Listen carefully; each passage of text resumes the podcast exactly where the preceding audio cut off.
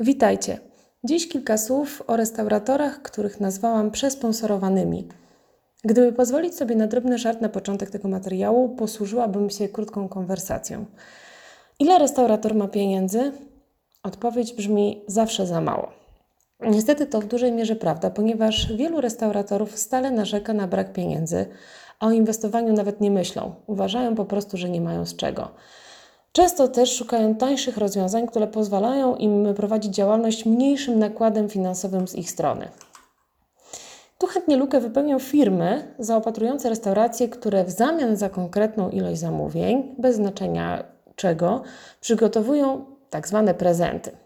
Głównie są to rzeczy związane z wyposażeniem lokalu, czy też ogródka albo kuchni. Mogą to być parasole, leżaki, podkładki pod jedzenie, stojaki, informacje o rezerwacji, stędy na stolik albo jakieś dodatkowe przyprawy. A ci hmm, biedni restauratorzy z wielką przyjemnością e, przyjmują je do swojego lokalu. Właśnie w taki sposób powstaje restauracja obrędowana w przerażający wręcz e, e, sposób, pozbawiona charakteru, ładnego wystroju czy po prostu atmosfery. Można by powiedzieć, taka specyfika branży. Na szczęście można się też z tym nie zgodzić. Ma sens skorzystanie z opcji przygotowanej przez dostawcę, ale tu powiem jedno najważniejsze słowo z umiarem.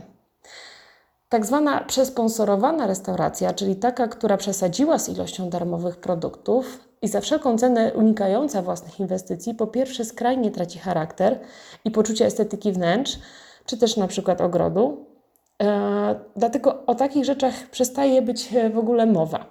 Po drugie, ta sama restauracja daje do zrozumienia gościom, że tak samo jak oszczędza na wyposażeniu, jest spora szansa, że oszczędza na przykład na pensjach dla załogi, a więc zatrudnia tych, którzy są przede wszystkim tańsi, a niekoniecznie lepsi, albo produktach, bo po co kupować lepsze, skoro można zaoszczędzić, a do tego zgarnie się kolejne gratisy od na przykład hurtowni. Zwróćcie kiedyś uwagę na to, że dobre restauracje dbają przede wszystkim o estetykę i klimat wnętrz czy odgródka, by stworzyć niepowtarzalne i miłe miejsce. A to wyklucza nadmiar gratisowych, niejednokrotnie po prostu brzydkich i niepasujących do wystroju przedmiotów. Dlatego uważam, że każdy gość, widząc przesadną ilość sponsorów, powinien dwa razy się zastanowić, czy to miejsce warto odwiedzić. Zapraszam Was na stronę afmedia.pl łamane na blog, bo właśnie dla Was do tego materiału przygotowałam specjalnie zdjęcie, które zrobiłam z pokazaniem Wam, jak wygląda restauracja, gdy zasłoni się wszystkie produkty, które są obrędowane.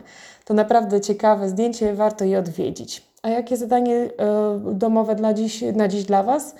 Zobaczcie, jak wygląda to w Waszych restauracjach i rozważcie, czy na pewno wszystkie przedmioty, które dostaliście gratis od e, Waszych zaopatrzeniowców, muszą po prostu zostać.